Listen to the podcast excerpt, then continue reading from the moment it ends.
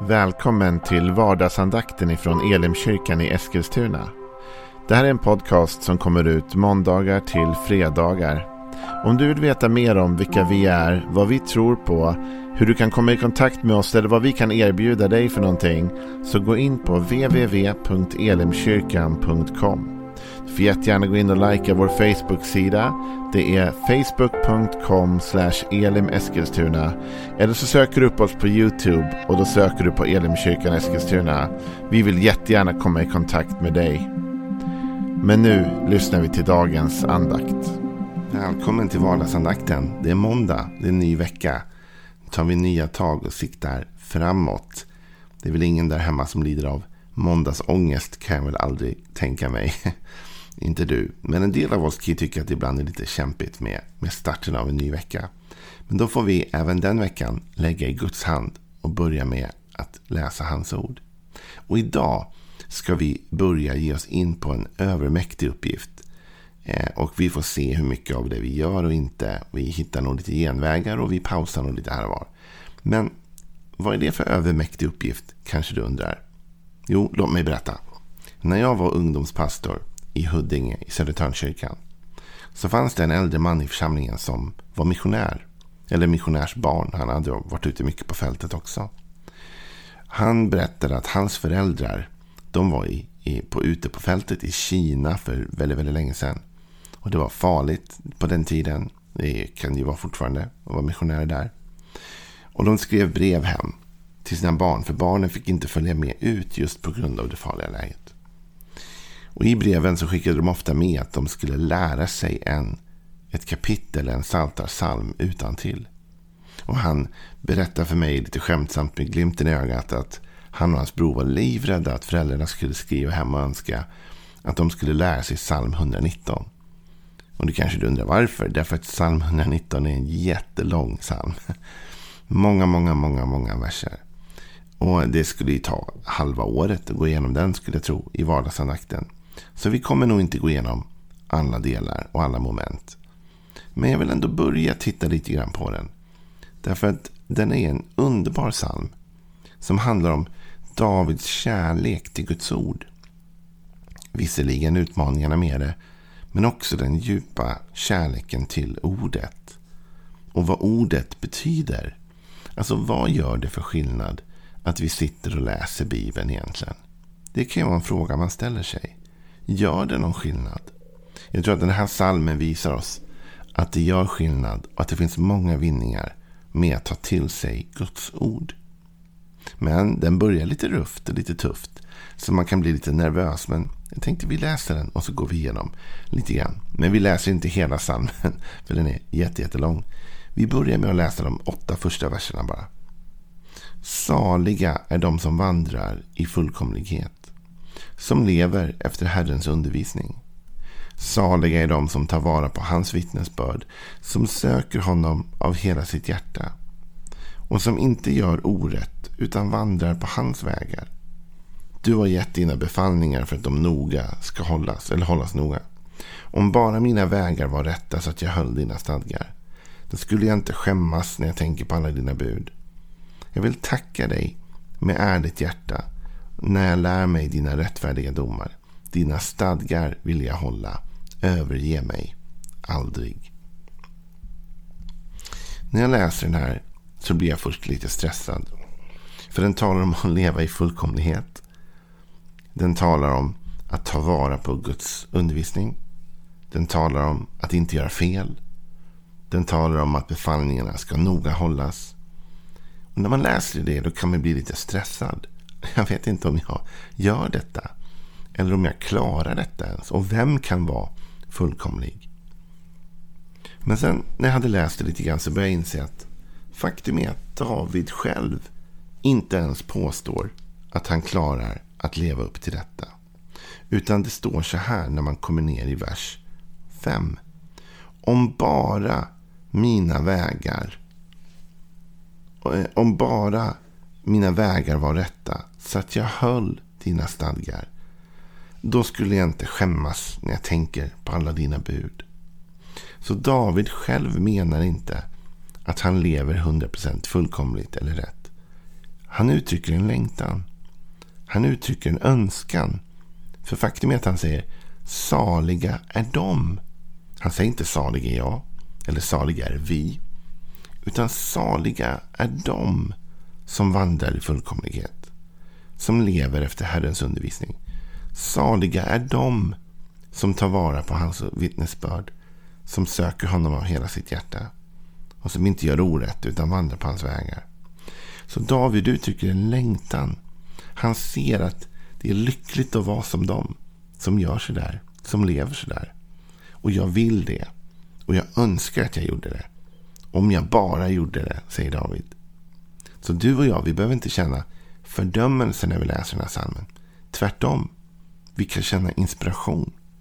Vi kan känna ja men jag skulle också vilja.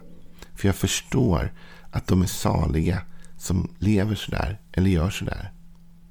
Och jag tänkte vi skulle börja titta på den första versen och se vilka det är som är saliga först. Om man kan säga så. Saliga är de som vandrar i fullkomlighet. Som lever efter Herrens undervisning. När man läser en sån vers då fastnar man på ett ord direkt. Eller jag gör det i alla fall. Jag vet inte hur du gör. Men jag fastnar ju direkt på den här versen. Fullkomlighet. För jag känner mig inte så fullkomlig. Jag vet att jag har många brister och fel. Så jag är ju inte direkt liksom posterboy för fullkomlighet direkt. Va? Och så kan man bli lite låst av ett sånt ord. Men det är egentligen inte fullkomligheten eller vandrandet i fullkomligheten som är poängen med den första versen. Det är målet. Men det är inte vägen dit. Så här står det. Saliga är de som vandrar i fullkomlighet. Som lever. Alltså här beskrivs det vilka de är. Som lever efter Herrens undervisning. Så du och jag kan sätta vårt fokus på att försöka leva efter Guds undervisning. Då kommer vi automatiskt att vandra i fullkomlighet. Och jag skulle vilja se fullkomlighet som helhet. Jag skulle vilja se det som att den som vandrar och lever efter Herrens undervisning blir mer hel som människa. Jag skulle vilja se det som att den som gör det kommer må bättre och kommer landa väl. Faktum är att jag tycker om hur David uttrycker det i sin första psalm, psalm 1. Så säger han så här. Salig är den som inte följer de gudlösas råd, som inte går in på syndares väg eller sitter bland föraktare, utan har sin glädje i Herrens undervisning och begrundar hans ord både dag och natt. Han är som ett träd planterat vid vattenbäckar som bär sin frukt i rätt tid och vars löv inte vissnar och allt han gör, det lyckas väl. Så här talas det om ett träd som är planterat rätt och som bär sin frukt. Det finns en helhet. Det finns en fullkomlighet. Trädet får den näring det behöver. Trädet producerar och trädet ger frukt. Och trädet vissnar inte ens. Utan det finns en, en helhet. Och allt han gör, där har du en helhetsbild igen. Allt han gör, det lyckas väl. Och vem är det det talas om här? Jo, den som har sin glädje i Herrens undervisning och som begrundar den. Tillbaks till psalm 119 så var det precis det vi såg. Den som lever efter Herrens undervisning. Så den som gör plats i sitt liv för Guds undervisning skapar ett mer helt liv. Och det sker inte på en dag, utan det sker över tid och det sker hela tiden. Det här trädet som är planterat vid vattenbäcken eller vattenflödet. Den suger ju hela tiden i sig näring. Det är inte så att den dricker sig mätt en gång. Mätt? Ja, dricker sig liksom. Utan hela tiden behöver den dricka. Hela tiden behöver den fylla på. Du och jag, för att vårt liv ska bli så helt som möjligt, behöver plantera Herrens undervisning i vårt liv. Och dricka av den, så att säga, ofta. Jag vet inte vad du kan hitta för knep för det.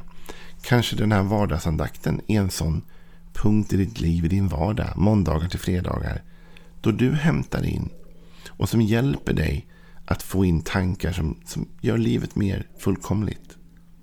Och då behöver vi inte tänka på att vara fullkomliga. Och vi behöver inte tänka på att producera frukt. Utan det sker per automatik. När vi lever efter Herrens undervisning så blir vi mer hela som människor.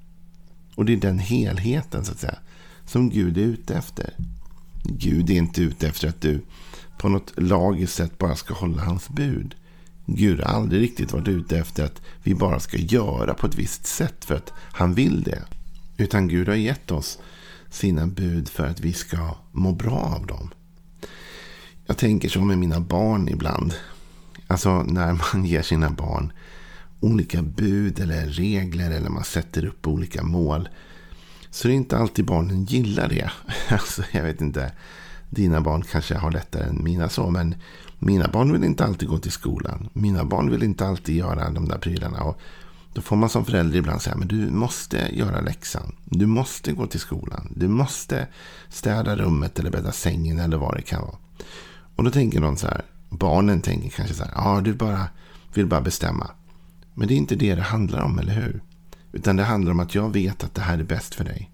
Jag vet att de här sakerna, om du lär dig det här, om du gör läxan, om du orkar gå till skolan, om du lär dig bädda sängen och städa rummet eller vad det kan vara, så kommer det hjälpa dig i livet och göra ditt liv bättre. Det kommer att lägga en grund till ett mer fungerande liv, en fungerande helhet. På samma sätt är det med Guds bud in i vårt liv. De Gud, de råd, eller bud, de råd Gud ger oss, de är till för vårt eget bästa. Gud är ingen paragrafryttare som är ute efter att alltid bara se till att du gör som han säger. Det finner Gud inget egenvärde i eller ingen egen glädje i.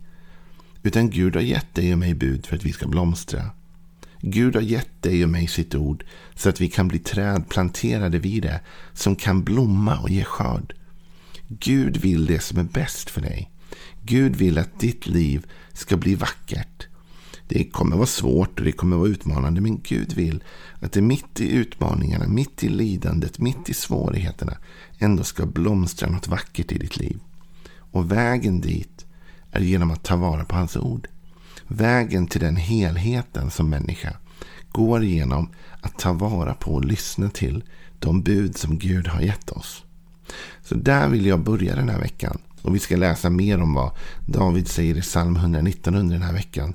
Men poängen är inte att alltid vara fullkomlig eller aldrig göra fel eller 100% lyckas. För David själv säger i den här salmen. Om jag, om bara mina vägar var rätta så att jag höll dina bud. Dina stadgar. Så David själv kom till korta. Men han insåg att det finns en salighet, en glädje i att vandra i fullkomlighet. Och den som vandrar i fullkomlighet, det är den som lever efter Guds bud. Den som lever efter Herrens undervisning får en, en helhet i sitt liv. Som psalmet också talar om. Så att vi blomstrar i rätt tid. Så stirra dig inte blind på de orden som fullkomlighet och felfrihet eller vad det kan vara. Utan se på lösningen. Lev efter Herrens undervisning. Och ditt liv kommer lagas och läkas och bli en helhet. Och inte bara en helhet, utan en blomstrande helhet. Ha en välsignad måndag.